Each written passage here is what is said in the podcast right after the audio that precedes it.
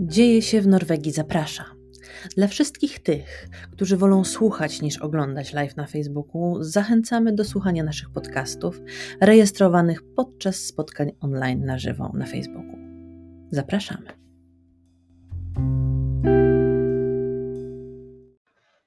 Pięknie. Jesteśmy na żywo już. To ja zacznę od przedstawienia naszego dzisiejszego gościa. Jerzy Marszałek. Możemy nazywać Cię takim przedstawicielem, ale nie reprezentantem Polonii, która pierwszy raz przyjechała do Norwegii ile lat temu? Niektórzy tyle lat nie żyją. 78 rok. Lipiec 78. Ile to będzie lat? 40... 42 ponad. 42 lata w Norwegii. E, Większe życie. Okej, okay. dzisiaj mamy taki specjalny dzień w naszym polskim kalendarzu. Święto Niepodległości. Ty prawie połowę niepodległości Polski spędziłeś w Norwegii. No szybko to zleciało, ale tak jest. To pozwolę sobie zapytać, dlaczego wyemigrowałeś do Norwegii? Ja myślę, że każdy ma jakąś taką swoją tajemnicę czy powód. Mhm. E, ja miałem 17 lat, jak pierwszy raz tutaj byłem mhm. grupie studentów e, na takim wyjeździe po Skandynawii. E, troszkę zarobkowo, troszkę turystycznie i, i już jakby nawet przed tym wyjazdem wiedziałem, że kiedyś będę chciał mieszkać w innym kraju niż Polska. Musimy pamiętać, że to była Polska czasów e, Gierka, komuny, rzeczy, których dzisiaj większość nie pamięta, ale była masa, masa tematów, których nie wolno było poruszać, albo przynajmniej mówi, mówiono się o tym po cichu. E, mówię o Katyniu, mówię o jakichś takich historycznych e, wydarzeniach. I ta Polska po prostu była szalenie ograniczona też dla, dla, dla ludzi, którzy chcieli w życiu robić coś więcej niż być e, jakimś tam pracownikiem państwowym, i, i tym podobne, więc, więc jakby ta tęsknota i, i za, za tą wolnością, za tymi możliwościami tego wolnego świata dość wcześnie spowodowała, że myślałem o tym. I ten wyjazd w 1977 roku był takim jakby bardzo wyjaśniającym, w jaką stronę, w jakim celu i tym podobne.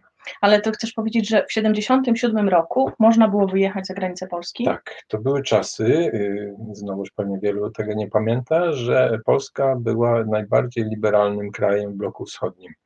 I dla jeszcze młodych ludzi, wtedy 17-latka, otrzymanie paszportu, e, co było wyczynem, e, było możliwe. No i to był wyjazd typowo turystyczny. Czyli na wakacje do Norwegii jedziemy. Tak jest, przedłużony pobyt, który trwa nadal. To, e, e, pojawiło Ci się takie pojęcie wtedy, jestem tu nielegalnie. Rozumiem, e, zgłosiłeś się online do UDI. Nie, nie, nie, nie, absolutnie nie było takich rzeczy jak UDI. E, to był kraj, który w tamtych czasach no, był w zasadzie bardzo zamknięty. Kilka lat wcześniej istniała jeszcze taka E, taka możliwość dla ludzi e, wtedy przyjezdnych z innych części świata, patrz Pakistan, Indie, gdzie każdy, kto przyjechał, mógł dostać pozwolenie na pobyt, bo brakowało rąk do pracy. To okno zamknęło się w 1974 roku i e, wszystko później już wiązało się no, z bardzo strogimi przepisami możliwości zostania. Ja przyjechałem z myślą, e, że tak powiem, znalezienia takiej możliwości, ale już będąc w Dramen, rozmawiając z takimi starszymi ludźmi, którzy tutaj mieszkali, odradzili w ogóle sam pomysł i możliwości e, zostania, w związku z czym szukałem innych krajów, innych miejsc, e, typu ambasada w, w Kopenhadze Południowej Afryki, czy tam Australii, czy nawet Kanady, co wiązało się z pobytem sześciomiesięcznym, oczekiwaniem na wizę. I, I, taki tymczasowy przyjazd tutaj e, do, do znajomych, e, których poznaliśmy rok wcześniej z kolegą, spowodował, że oni e, jakby prowadzili mnie na, do władz, przedstawili sytuację, powiedzieli, że taki młody człowiek chciałby tutaj zostać, co można zrobić. I to wyglądało tak, że posadzono mnie na taborecie w pokoju, to było na policji w Stavanger wtedy, i chyba zeszło się połowa całego oddziału i wszystkich e, e, funkcjonariuszy, czy tam osób pracujących w biurze, żeby popatrzeć na tego 18-latka, który spadł nie wiadomo skąd, który chce zostać. Ale jak ty się z nimi komunikowałeś? E, wtedy... Po norwesku płynnie rozumiem. Nie, właśnie. I tutaj pojawia się ciąg dalszych historii, że ze mną był właśnie ten znajomy, okaza... znaczy to, była, to był Rosjanin. Szalenie sympatyczni ludzie, małżeństwo, których poznaliśmy na kampingu e, rok wcześniej przypadkowo i oni to małżeństwo to jest taka historia, że podczas wojny Niemcy wywieźli mnóstwo pracowników y, przymusowych do Austrii, którzy tam zostali do czasów wyzwolenia.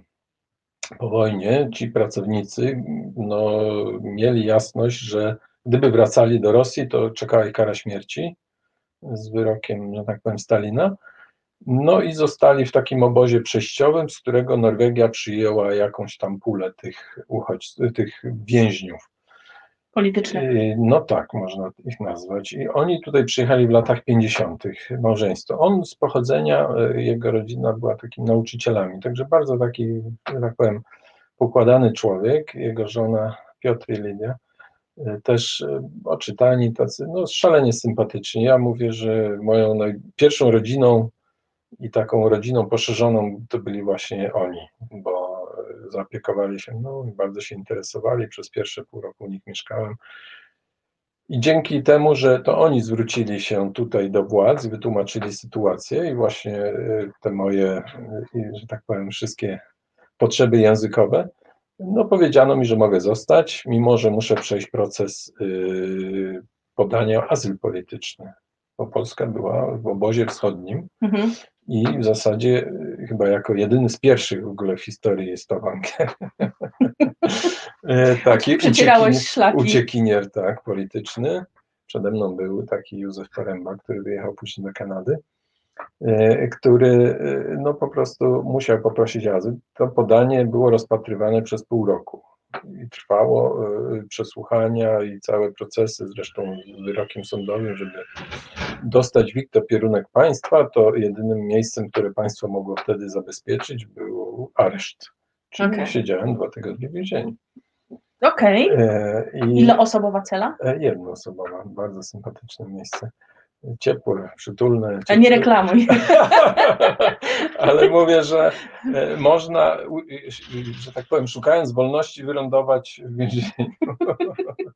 W jednoosobowej celi. Tak jest, bardzo, bardzo sympatycznie.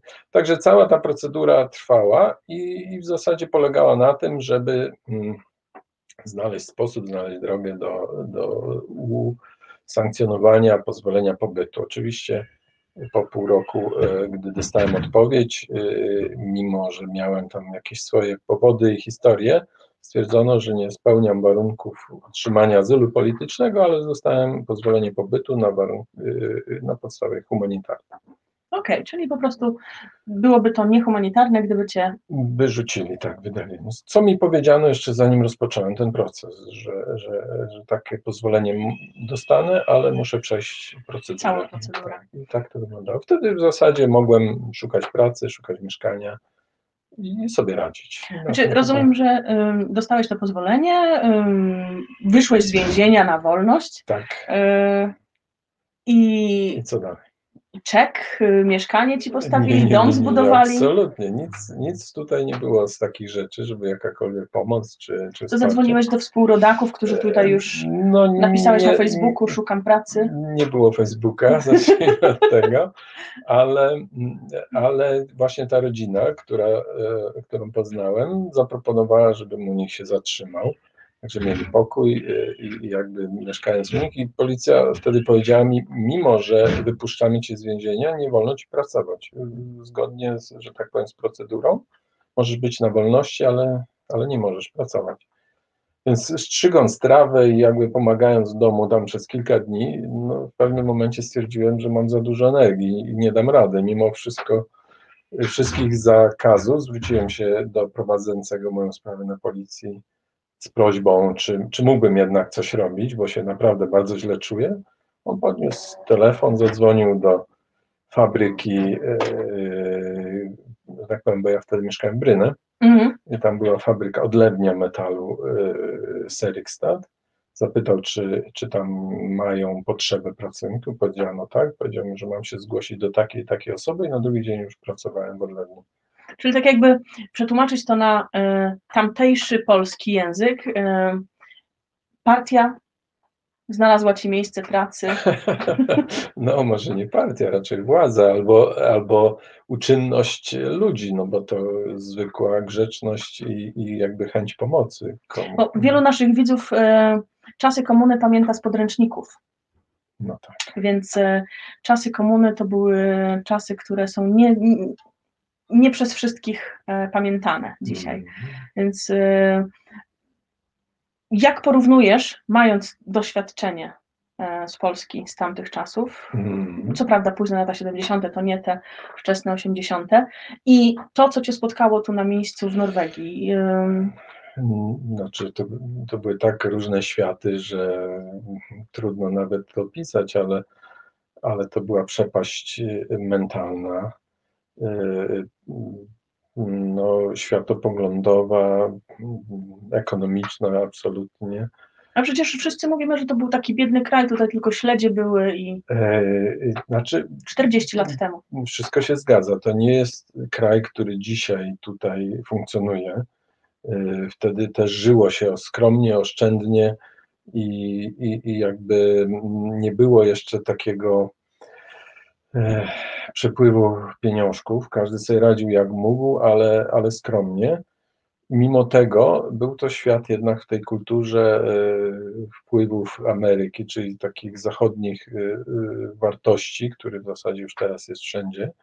I dzięki temu no, było, był większy dobrobyt. Ja dam taki przykład. Pierwszą pracą po przyjeździe do Stavanger z tego Bryny, po tej Adlerni, był mhm. warsztat stolarski, gdzie, gdzie tam powiedzmy pomagałem, czy, czy pracowałem jako um, piaskarz, o, piaskowanie, podciśnienie mebli mhm. drewnianych. I pamiętam, w tym warsztacie stolarskim robiono takie piękne, dębowe biurko, olbrzymie, duże, solidne, piękne. I, i, I ci starsi pracownicy mówili, tak, bo to jest dla armatora. Armatona kosztowało wtedy 10 tysięcy złotych, to tak jakby dzisiaj, nie wiem, 100, 200 tysięcy złotych za biurko ktoś miał zapłacić.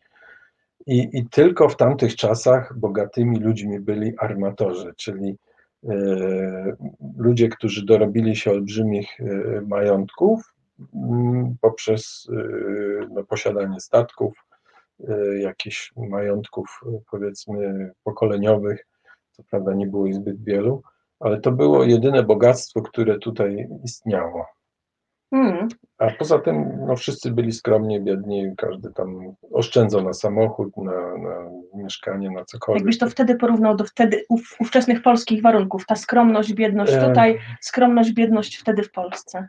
No to jednak ja myślę, że taka w Polsce posiadanie domu to było raczej rzeczą nie tyle rzadką, co ta szarość, ta taka, jakby to powiedzieć, e, albo inaczej, no, miesięczny zarobek tutejszy w Polsce to był roczny zarobek e, na polskie pieniądze.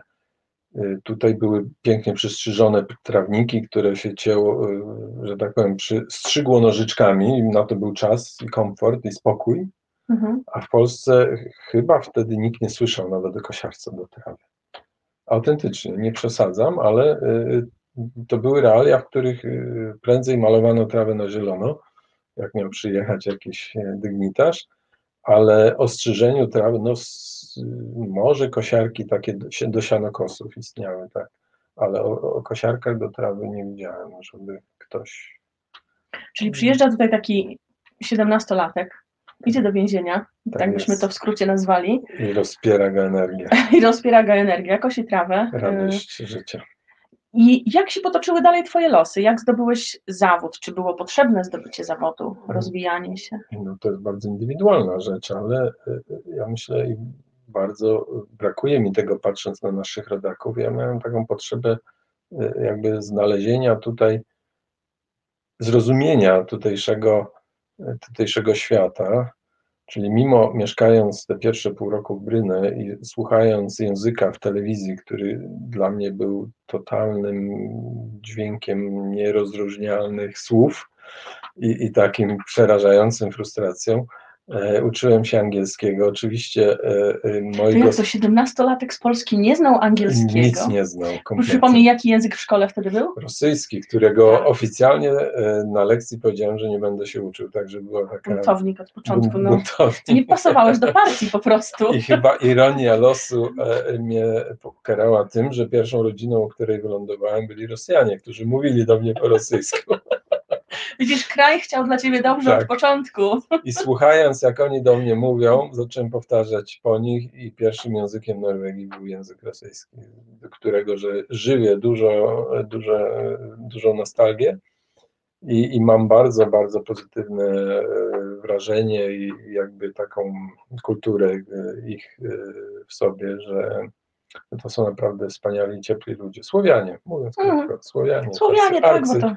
Arcysłowianie tak naprawdę nie chodzi o kolor flagi, tylko tak, o tak, kolor serca. Tak, Boże nie poglądy, ale o tą e, umiejętność komunikowania się z ludźmi i, i te wartości, które dla nas są chyba fundamentem. A jak się pojawiła inna Polonia? No bo dzisiaj jest nas tutaj ponad 120 tysięcy.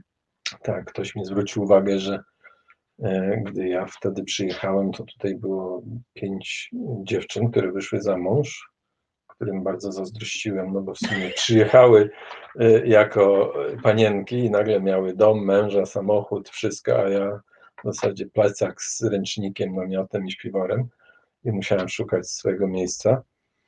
Ale mm, no, słuchając, y, czy, czy poznając jedną czy drugą osobę, y, szukałem tych ludzi, odwiedzałem ich w domu i po prostu przedstawiałem się. Myśmy wtedy byli tutaj jak najbliższa rodzina. Poza Kiką z Jaszą był jeszcze Janusz, e, nauczyciel e, tenisa. I, i, I, w zasadzie było nas tutaj może garstka, nawet dziesięciu osób nie było i byliśmy dla siebie tą najbliższą rodziną, tym bardziej, że Polska była takim krajem zamkniętym, hermetycznie strzeżonym e, cenzurą, kontrolami, że pieniędzy nie można było wysyłać, więc, więc byliśmy sobie tutaj tym wsparciem moralnym.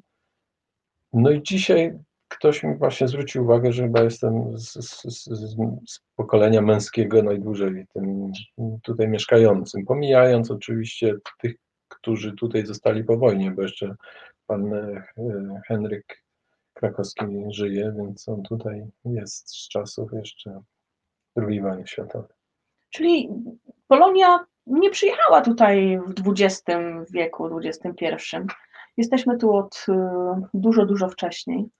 No, ta historia jest znacznie dłuższa, bo na przykład y, niewiele osób o tym wie, ale podczas wojny były tutaj bardzo duże grupy, czy, czy duża grupa, chyba bardzo podobna liczebnie do tej, która jest teraz, więźniów wojennych. W Norwegii? Tak. Byli więzieni w Norwegii? Tak, więźniowie y, polscy, z Polski, no między innymi pan Henryk Krakowski jest jednym z nich. Mhm którzy tutaj byli na przymusowych robotach i było ich około 120, to opowiadali mi Norwedzy, którzy znali zresztą wiele historii z tym związanych, yy, takich osób. Zresztą mamy kolegę, który jest e, synem właśnie takiego jednego z więźniów i Norweżki, którą tutaj poznał i razem wyjechali do Polski mieszkać. Koniec końcem y, tych 120 tysięcy osób, jak się mhm. wojna skończyła, y, przysłano tutaj polskiego księdza, pan Alfons Bysiecki, jego portret wisi w kościele, mhm.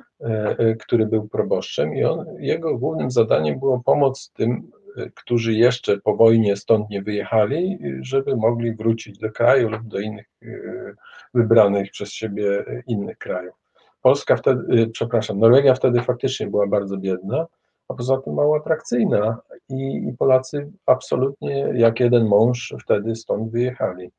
I bardzo niewielu ich zostało. Jak ja byłem tutaj, y, tak mówię, w latach 70., to było pięć osób, mogę wymienić imiona, mhm. nazwiska tych osób, które z czasów wojny jeszcze zostały. I tutaj. I mieszkały tutaj, tak, założyły rodziny y, i mieli każdy swoją historię.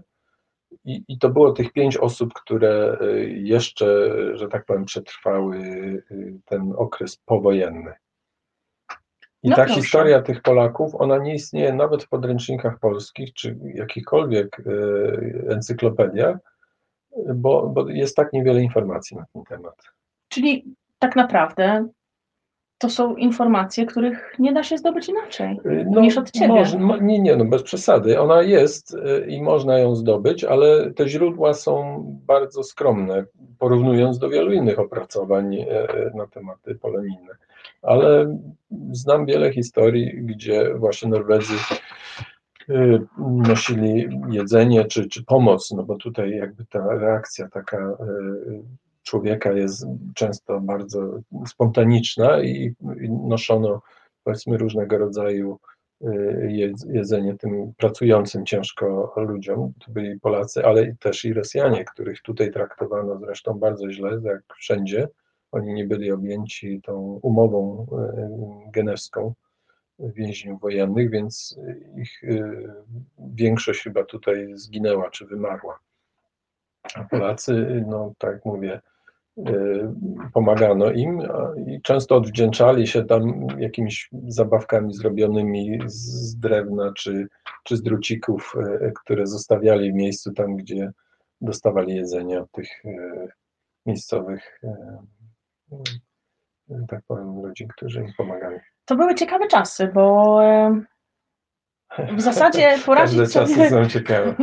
E, no tak, ale dzisiaj wiesz, dzisiaj mm, Polonia wsiada w samolot, ląduje tak, na tak. lotnisku, tak. odpala Facebooka, potrzebuje tak. noclegu, e, czy ktoś słyszał coś o jakiejś pracy i hmm. ten kontakt jest już no, na miarę czasów, na miarę epoki, na miarę, e, że tak powiem, zdobyczy zdobyczy cywilizacyjnych.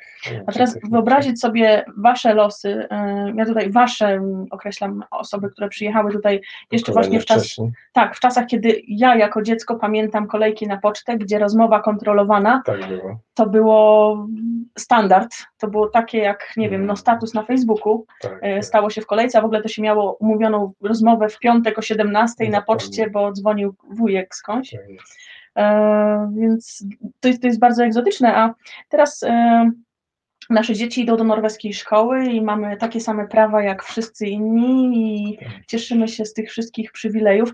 Tak samo było w wypadku Twoich dzieci, poszły do szkoły i były no, przyjęte. Dzieci się pojawiły dużo, dużo później. E, ja bym może powiedział parę słów, że o tym dzisiaj to wszystko jest takie naturalne, ale ja pamiętam w tych czasach e, lat 70. czy 80. ten sceptycyzm tutejszych, e, e, tak powiem, mieszkańców, obywateli był taki dość porównywany do tego, co dzisiaj się słyszy czy widzi w Polsce, że na przykład przyjmowano duże grupy uciekinierów, takich wyłowionych na łódkach z morza, mówię w tej chwili o Wietnamczykach, którzy z ośmiu... Do Norwegii? Tak, tak, tak. To była taka pierwsza duża grupa uchodźców, która przyjeżdżając tutaj już y, w takim systemie pomocy y, y, państwowej dostawała mieszkania, pomoc i, i taki bunt tych, że tak powiem, normalnych obywateli, którzy całe życie ciężko pracowali, na każdą rzecz musieli oszczędzać, żeby sobie cokolwiek kupić, no tak jak to w normalnych krajach, nie, nie dzisiaj, tutaj. I, I patrzyli na tych uchodźców, którzy często byli analfabetami, a mimo to dostawali taką dużą pomoc i taki, takie niezadowolenie z tego, że, że oni tutaj mieli takie przywileje, co na dłuższą metę, patrząc dzisiaj, no, opłaciło się nieprawdopodobnie, bo pokolenie dzieci tych uchodźców dzisiaj jest chyba jedną z najlepiej wykształconych grup e, mniejszościowych, która e, często e, prowadzą własne działalności albo mają bardzo dobre stanowiska i, i w jakimś sensie no, odwdzięczają się, jeżeli można tak powiedzieć, tym, że, że tutaj są takimi dość e, dobrze prosperującymi ludźmi. Często widzi się właśnie um, urodzonych już tutaj um, potomków um, innych nacji. I widzi się właśnie, że zajmują bardzo wysokie stanowiska, są widoczni tak. i działają pozytywnie. A i powiedz, a jak z perspektywy czasu oceniasz e, mm, ten taki norweski styl e, przyjmowania e, tych uchodźców? Bo my możemy mówić z perspektywy pięciu, dziesięciu lat. Mhm. Ty masz tą perspektywę. No i tutaj też właśnie o tym lekko żeśmy dotknęli tematu, że na początku, i mówię tutaj o tych moich, które ja znam mm, pierwszych 10, nawet 20 latach, istniała nawet organizacja Norwegia dla Norwegów, pana Arne Myrdal, e, jak ona się nazywała, e, nie chcę już teraz e, pomylić tych nowszych z tymi starszymi, ale to były ruchy społeczne bezpośrednio przeciwko imigracji cudzoziemców do Norwegii. I, to się nakładało razem z odkryciem ropy i tak dalej? Nie, czy? nie, to były takie oddolne e, inicjatywy i, i one skupiały całkiem niezłe grona e, ludzi i miały w miarę dobre, znaczy dobre, duże poparcie społeczne e, przeciętnych obywateli. Ja pamiętam nawet gdy już zacząłem uczęszczać do polskiego kościoła, co prawda nie był wtedy polski, tylko ogólnie katolicki, to z proboszcz i ja nosiliśmy takie znaczki, tak dla kolorowej wspólnoty. Ja, ty, Fagier i Helska. Czyli jakby był taki mm, ruch i odruch społeczny, że dlaczego nie pomagać tym, którzy tutaj przyjeżdżają, więc dopiero i myślę, że to jest przełom lat 80., 90., jakoś tak od, odgórnie przyjęło się takie powiedzenie, że cudzoziemiec to jest mój nowy rodak cudzoziemiec to jest mój nowy rodak, bez względu na kolor skóry. A co się stało, że takie się, coś się zmieniło? Ja myślę, że to y, jakaś taka chyba odgórna mm, inicjatywa uświadamiania tego, że, że wszyscy jesteśmy podobni, każdy powinien mieć podobne szanse. A czy chcesz wiem. powiedzieć, że coś takiego, jak się w tej chwili zaczyna rodzić w Polsce, miało to miejsce w okolicy 80., 90. lat? Ja nie chciałbym tak bezpośrednio porównywać, ale jest, jest taki przeskok. Mówię o poglądach i o postawach takich przeciętnych obywateli tutaj na przełomie lat 80., 90., gdzie, gdzie stwierdzono, że, że cudzoziemiec to nie jest jakiś gość czy, czy ktoś, tylko on jest moim nowym rodakiem i taka akceptacja, ja myślę w szkołach dużo e, na ten temat też chyba robiono czy mówiono, że, że nawet ktoś, kto jest mocno, że tak powiem, inny mm, kulturowo, jest już traktowany, że jest, jest tak powiem, nowym rodakiem. I, I takie nawet powiedzenie, że ten obcy, którego odruchowo każdy się boi, no bo obca kultura, to jest twój, to jest przyjaciel, którego jeszcze nie poznałem. Hmm. I takie powiedzenia, jakby one e, się przyjmowały, i w pewnym momencie zauważyłem, że faktycznie wszyscy e, są, traktują się nawzajem jako równi sobie. Już nie patrzy się z góry, że ty jesteś hmm. stamtąd czy, czy stąd. Trudno było na początku, kiedy było się tutaj e, no, innym? E, to, już, to już jest kwestia bardzo indywidualnego podejścia do, do tego. Jeżeli się chce tak czuć, albo przynajmniej na to zwraca uwagę, to zawsze się tak będzie czuło, nawet będąc rodowitym, e, tutaj urodzonym e, tubylcem z innego miasta. Ale wydaje mi się, że wtedy był większy ruch społeczny, czy taka mm, e, presja tego sceptycyzmu, który wtedy był według mnie bardzo porównywalny do tego, co mamy dzisiaj, że tak powiem, w Polsce. A powiedz, e, ile zajęło Ci nauczenie się tego języka? Bo ja też na początku słyszałam tylko dźwięk tak. i czasami był on nieprzyjemny dla uszu. Przez, przez pierwsze pół roku, no tak mówię, to było takie, jeżyły się włosy słuchając tych, tych dźwięków, więc nie było, a poza tym nie było potrzeby, bo porozumiewałem się na co dzień e, w języku rosyjskim. E, w pracy nie można było się komunikować, bo to była odlewnia, w której panował taki hałas, że, że w ogóle rozmowy nie były e, możliwe. A mm, dopiero gdy przeprowadziłem się do Stavanger, zacząłem mieszkać sam, wynajmując jakiś tam pokój rodziny norweskiej i chodząc już do pracy wśród mm, tak powiem, tutaj Norwegów, no słuchałem i starałem się powtarzać słowa. Równocześnie zapisałem się na pierwszy kurs, więc ja myślę, że takie trzy miesiące do pół roku te pierwsze słowa, żeby móc się porozumiewać na takim mhm. fundamentalnym poziomie. Okej. Okay. Ale będąc zupełnie odciętym od możliwości mówienia po polsku, to jest ważne, bo, bo wtedy inaczej człowiek, to jak wskoczyć na głęboką wodę, prawda? Rozumiem. Trzeba się ruszać, żeby. Jest już taki moment y, po 40 paru latach, że mówisz, nie, ten język nie ma dla mnie tajemnic. Ja myślę, że polski jest też takim językiem, który ma tajemnice i nie ma czegoś takiego, że można powiedzieć, że się umie jakiś język, e, jakiś język na tyle, że, że nie znajdą się jakieś tajemnice. Ja myślę, że nawet ci najbardziej e, oczytani zawsze sięgną po jakiś słownik czy leksykon, żeby poznać słowa. Hmm. Także, także pod tym względem e, wydaje mi się, że zawsze można się uczyć. Czyli jak tu przyjechałeś, nie miałeś ani polskiego kościoła, ani rodaków dookoła, którzy by wsparli we wszystkim.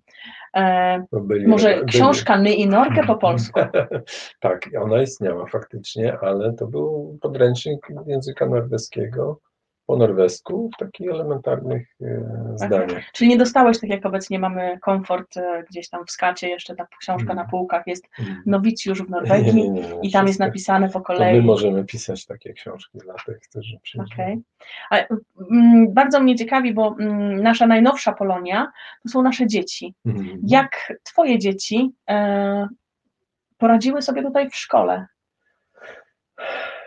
No, ja myślę, że ja sam już byłem po 10 latach chodzenia do szkoły tutaj, zacznijmy od tego. Więc e, najpierw ucząc się języka w, w, takim zakresie podstawowym stwierdziłem, że język to jedno, ale co ze słownictwem używanym w szkole podstawowej, gdzie mamy tyle słów z biologii, matematyki, chemii, historii, których na co dzień nigdy nie używamy, więc wieczorowo skończyłem szkołę podstawową.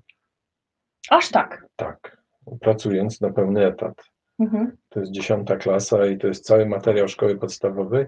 Już pomijając to, że no, co za matą w dorosłym wieku idzie do podstawówki. E, Przypomnijmy, to były lata późne 70., początki 80.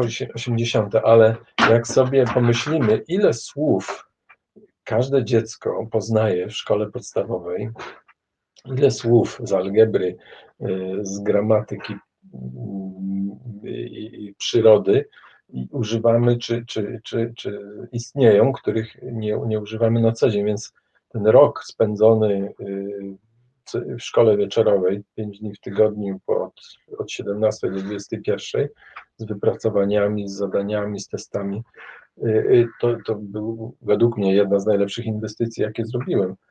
E, właśnie dlatego, że już pomijając powtórkę z materiałów tam podstawowej matematyki, ale dodajemy do tego język norweski, gramatykę, język angielski, gramatykę mm -hmm. i pisanie, nagle język niemiecki się pojawia, gramatykę. Okay. Mamy historię, o której w życiu nikt nie słyszał. Mamy takie przedmioty jak KRL, czyli e, wiedza o religii. Wiedza o religii. W ogóle pojęcia niesłychane i, i słownictwo, i słownictwo wokół tego, więc, więc to jest dopiero szkoła i umiejętność. To był kurs norweskiego, co? To był kurs norweskiego, Nie tylko który gorąco polecam, bo on dalej gdzieś istnieje i taka inwestycja dla kogoś, kto tutaj chce funkcjonować. Ale mogłeś cofnąć się, mimo że miałeś skończoną edukację, mogłeś cofnąć się. Nie ma znaczenia. Do... Dzisiaj człowiek 50-letni może pójść do podstawówki i, i chodzić. Y, mówię o Norwegach albo o cudzoziemcach. tak, tak. Voxenoplaring działa. Tak jest. E... Ale gorąco polecam. Ja posłuchałam Twojej rady, zapisałam się do szkoły. Może nie do podstawówki. ale to, ale to ja nie, ja nie rozumiem tego, że ludzie traktują to jako jakieś takie cofnięcie się to jest naprawdę rozwój i. Nie, nie patrząc w tej kategorii, myślę bardziej tutaj, że chodzi o to. A, a, jeszcze dodam, że faktycznie ja na początku zacząłem uczęszczać na lekcje szkoły średniej, czyli takiej e, liceum e, czy gimnazjum, historia, matematyka, i zauważyłem, że ja tam uczestniczę, ale jest dużo rzeczy, słów, które mimo to rozumie, uczę się, ale brakuje mi podstaw. I dopiero stamtąd cofnąłem się do tej podstawówki, co, co dopiero mi dało taką, taki solidny fundament, żeby później iść na, na studia, czy tam w ogóle szkołę średnią, e, taką hmm. i, i późniejsze studia. Także w sumie to jest 10 lat nauki w czasie, przeliczając, no to jest czas dzienny. Mhm. E, A w tym czasie Polska przechodziła transformację. Tak. Pozbywaliśmy się komuny, pozbywaliśmy się wielu różnych rzeczy. Nabyliśmy pierwszego prezydenta drogą wyborów. Tak. E, I co się zmieniło w Norwegii w tym momencie? I sobie jesteś tutaj, mm, w kolorowej telewizji oglądasz, przerzucasz, ja myślę, a tam się że, dzieją rzeczy. No, no, był taki okres, kiedy tutaj spotykaliśmy się, myślę o tej Polonii e, najstarszej e, w latach 80., gdzie w Polsce po tych e, wszystkich zawirowaniach politycznych była zwykła bieda. I to taka, że brakowało jedzenia, brakowało odzieży, brakowało fundamentalnych rzeczy. I były akcje, gdzie zbierano odzież, zbierano żywność, kontaktowano, y, ludzie robili paczki, każdy w domu, każda rodzina robiła paczki, były y, tiry, które jeździły i woziły tą pomoc do Polski, do różnych miast. Tutaj Stavanger miał takim wybranym miastem Albląg, ale mnóstwo rodzin miało, miało rodziny, z którymi utrzymywało kontakt, wysyłając paczki świąteczne czy okolicznościowe, żywnościowe z zabawkami my, jako ci pierwsi Polacy umiejący po polsku, siedzieliśmy i tłumaczyliśmy listy tych, którzy dostawali te paczki i, i, i, były takie przyjaźnie rodzinne, które do dzisiaj pewnie trwają. Jeżeli ja ktoś... dostałam taką paczkę jako dziecko. No proszę. Dostałam taką paczkę. A myśmy te paczki i wysyłali, i organizowali, i tłumaczyli listy dla tych rodzin, które dostawały. U nas proboszcz w parafii ogłosił, że przyjechały dary no, z Norwegii i cała klasa dostała e, takie norweskie papucie. I no bardzo się z tego cieszyliśmy. Dostaliśmy też e, czekolady pomarańczowe. Mm co było wtedy, wow, w dopiero parę lat później się to pojawiło. Przeżycie. Tak, tak, tak. No ja byłam wtedy małym dzieckiem, to, to, to pamiętam. Mm. Czyli byliście jednak jako Polonia zjednoczeni, Byliśmy razem. Bardzo. Ja, ja cały czas żyję z taką myślą i wyobrażeniem, że my dalej jesteśmy taką najbliższą rodziną, która sobie pomaga, która o sobie wszystko wie, dzieli się swoimi radościami, smutkami. I, I tak jak wtedy, zaczynając od tych 10, 5-10 osób, do momentu, gdy to była grupa, no nie wiem, 100-200 osób, my nadal mieliśmy takie regularne spotkania, uroczystości, gdzie się spotykaliśmy, między innymi powstał ten klub polsko-norweski i, i, inne rzeczy, że, że no była to ta najbliższa rodzina, z którą się miało relacje nie rzadziej, lepsze niż z tą rodziną, którą często się nie widuje bardzo długo, a tutaj byliśmy sobie bliscy ja cały czas, we mnie to żyje, także wybaczcie, jeżeli kogoś zaczepię na ulicy i będę rozmawiał jak z, z kuzynem. Czy nie jesteś z tych takich, co jak w sklepie słyszą polski język, to... E, nie, nie mam z tym problemów, ale fakt, że można się nasłuchać dużo kwiecistej mowy. A, ale generalnie... A to też mowa. Tak jest. Ale generalnie mam takie nastawienie, że my jesteśmy tutaj jako no, sobie bliscy. Jasne. Jerzy, ja bym bardzo chciała, żebyśmy mogli kontynuować e, w następnym odcinku, żeby naszych widzów nie, nie przytrzymać, bo ja wiem, że jest dużo, dużo więcej rzeczy, które można, można powiedzieć i są one bardzo ciekawe. Nie wiem, czy są dość ciekawe, ale są bardzo ciekawe. Chętnie się podzielę, jeżeli kogoś to interesuje. Ehm, powiedz mi, jak sobie dzisiaj radzisz? 42 lata później e, przeżyłeś okres powojenny tak naprawdę w Polsce, komunizm w Norwegii. E, w tej chwili jesteśmy już w czasie, no nie chcę tego nazywać e. Tak, innym, tak, o, w innym czasie jesteśmy. Hmm. Y, to jest szmat czasu, szmat doświadczeń. Jak się teraz odnajdujesz? Znaczy, Już masz doświadczenie, to, to język. Dom, to jest mój dom, to jest moje, mój świat, moje, e, że tak powiem, codzienne życie. Co nie zmienia tego, że tak często jak mogę, e, korzystam z naszych wspaniałych linii lotniczych E, Wizer i, i latam do Gdańska. Czy nie bojkotujesz ich, dlatego że nie chcą... Absolutnie. Uważam, że to jest e, olbrzymi, olbrzymi skok cywilizacyjny mieć takie możliwości podróży. I tak często jak mogę latam do Polski. Zresztą otworzyłem tam parę firm, e, które działają samodzielnie, więc, e, więc mam wspaniałe preteksty, e, żeby móc tam odwiedzać i doglądać tej działalności, a równocześnie prowadzę tutaj też swoje jakby interesy, mhm. co daje mi możliwość korzystania z, z, z tego bogactwa, czym jest nasza kultura, nasza wiedza i to, czego się nauczyliśmy, że tak powiem, jako dzieci, a równocześnie żyjąc w tak poukładanym, uporządkowanym świecie, jakim jest tutejszy świat. Chociaż, y, tak mówię, życie byłoby o połowę biedniejsze, gdyby nie było tej możliwości. Hmm. Hmm. Czyli nie żałujesz perspektywy emigracji? No, myślę, że ci, co żałują, mają możliwość e, zmiany tych decyzji i to robią, więc e, ja myślę, że to jest taka rzecz, którą każdego dnia potwierdzamy tym, co robimy na co dzień, mm. czy, mhm. czy, czy żałujemy, czy, czy nie. Czy nie. Czyli najważniejsze to tak naprawdę wyciągać wnioski, iść do przodu. Znaleźć swoje miejsce dla siebie. Tak jest. E, gdybyście mieli jakieś pytania do Jerzego, zachęcamy do kontaktu z nami. Mail redakcja małpadziejesie.no Możecie też komentować pod tym e, nagraniem, które zaraz zostanie udostępnione.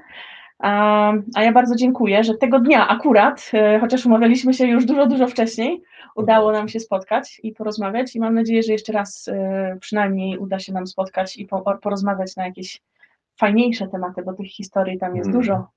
Jeżeli kogoś to interesuje, z, z, przyjemnością się podzielę takimi. Interesują Was takie spotkania z Polonią, która jest tutaj hen, hen i była tutaj jeszcze w czasach, kiedy my nie mogliśmy myśleć o tym. Ja chętnie rozwiałbym jakieś mity, bo czasami zdarza się, że dostaję pytania bardzo dziwne albo takie zupełnie oderwane od, od rzeczywistości, więc e, jeżeli tak. komuś, komuś mógłbym pomóc w tym, żeby opisać to czy tam, to z przyjemnością to zrobię. Super, z tymi mitami to jest I życzę, super. I życzę wszystkim e, jakby wytrwałości i jakiegoś no, systematycznego dążenia do swoich celów, bo naprawdę można i trudno znaleźć miejsca na świecie, które by dawały tyle możliwości, co tutaj.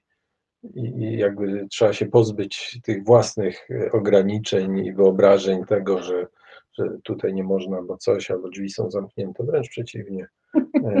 A od czego są okna? Właśnie.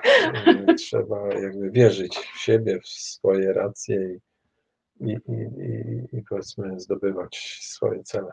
Tak, bo jesteście Polonią, a mm, gdyby nie Polonia, nie byłoby niepodległości, gdyby nie Polonia, nie byłoby dużej pomocy w czasie, kiedy my Polacy tego potrzebowaliśmy, więc jesteśmy ważni i istotni w historii Polski i w historii Polonii w przeszłości.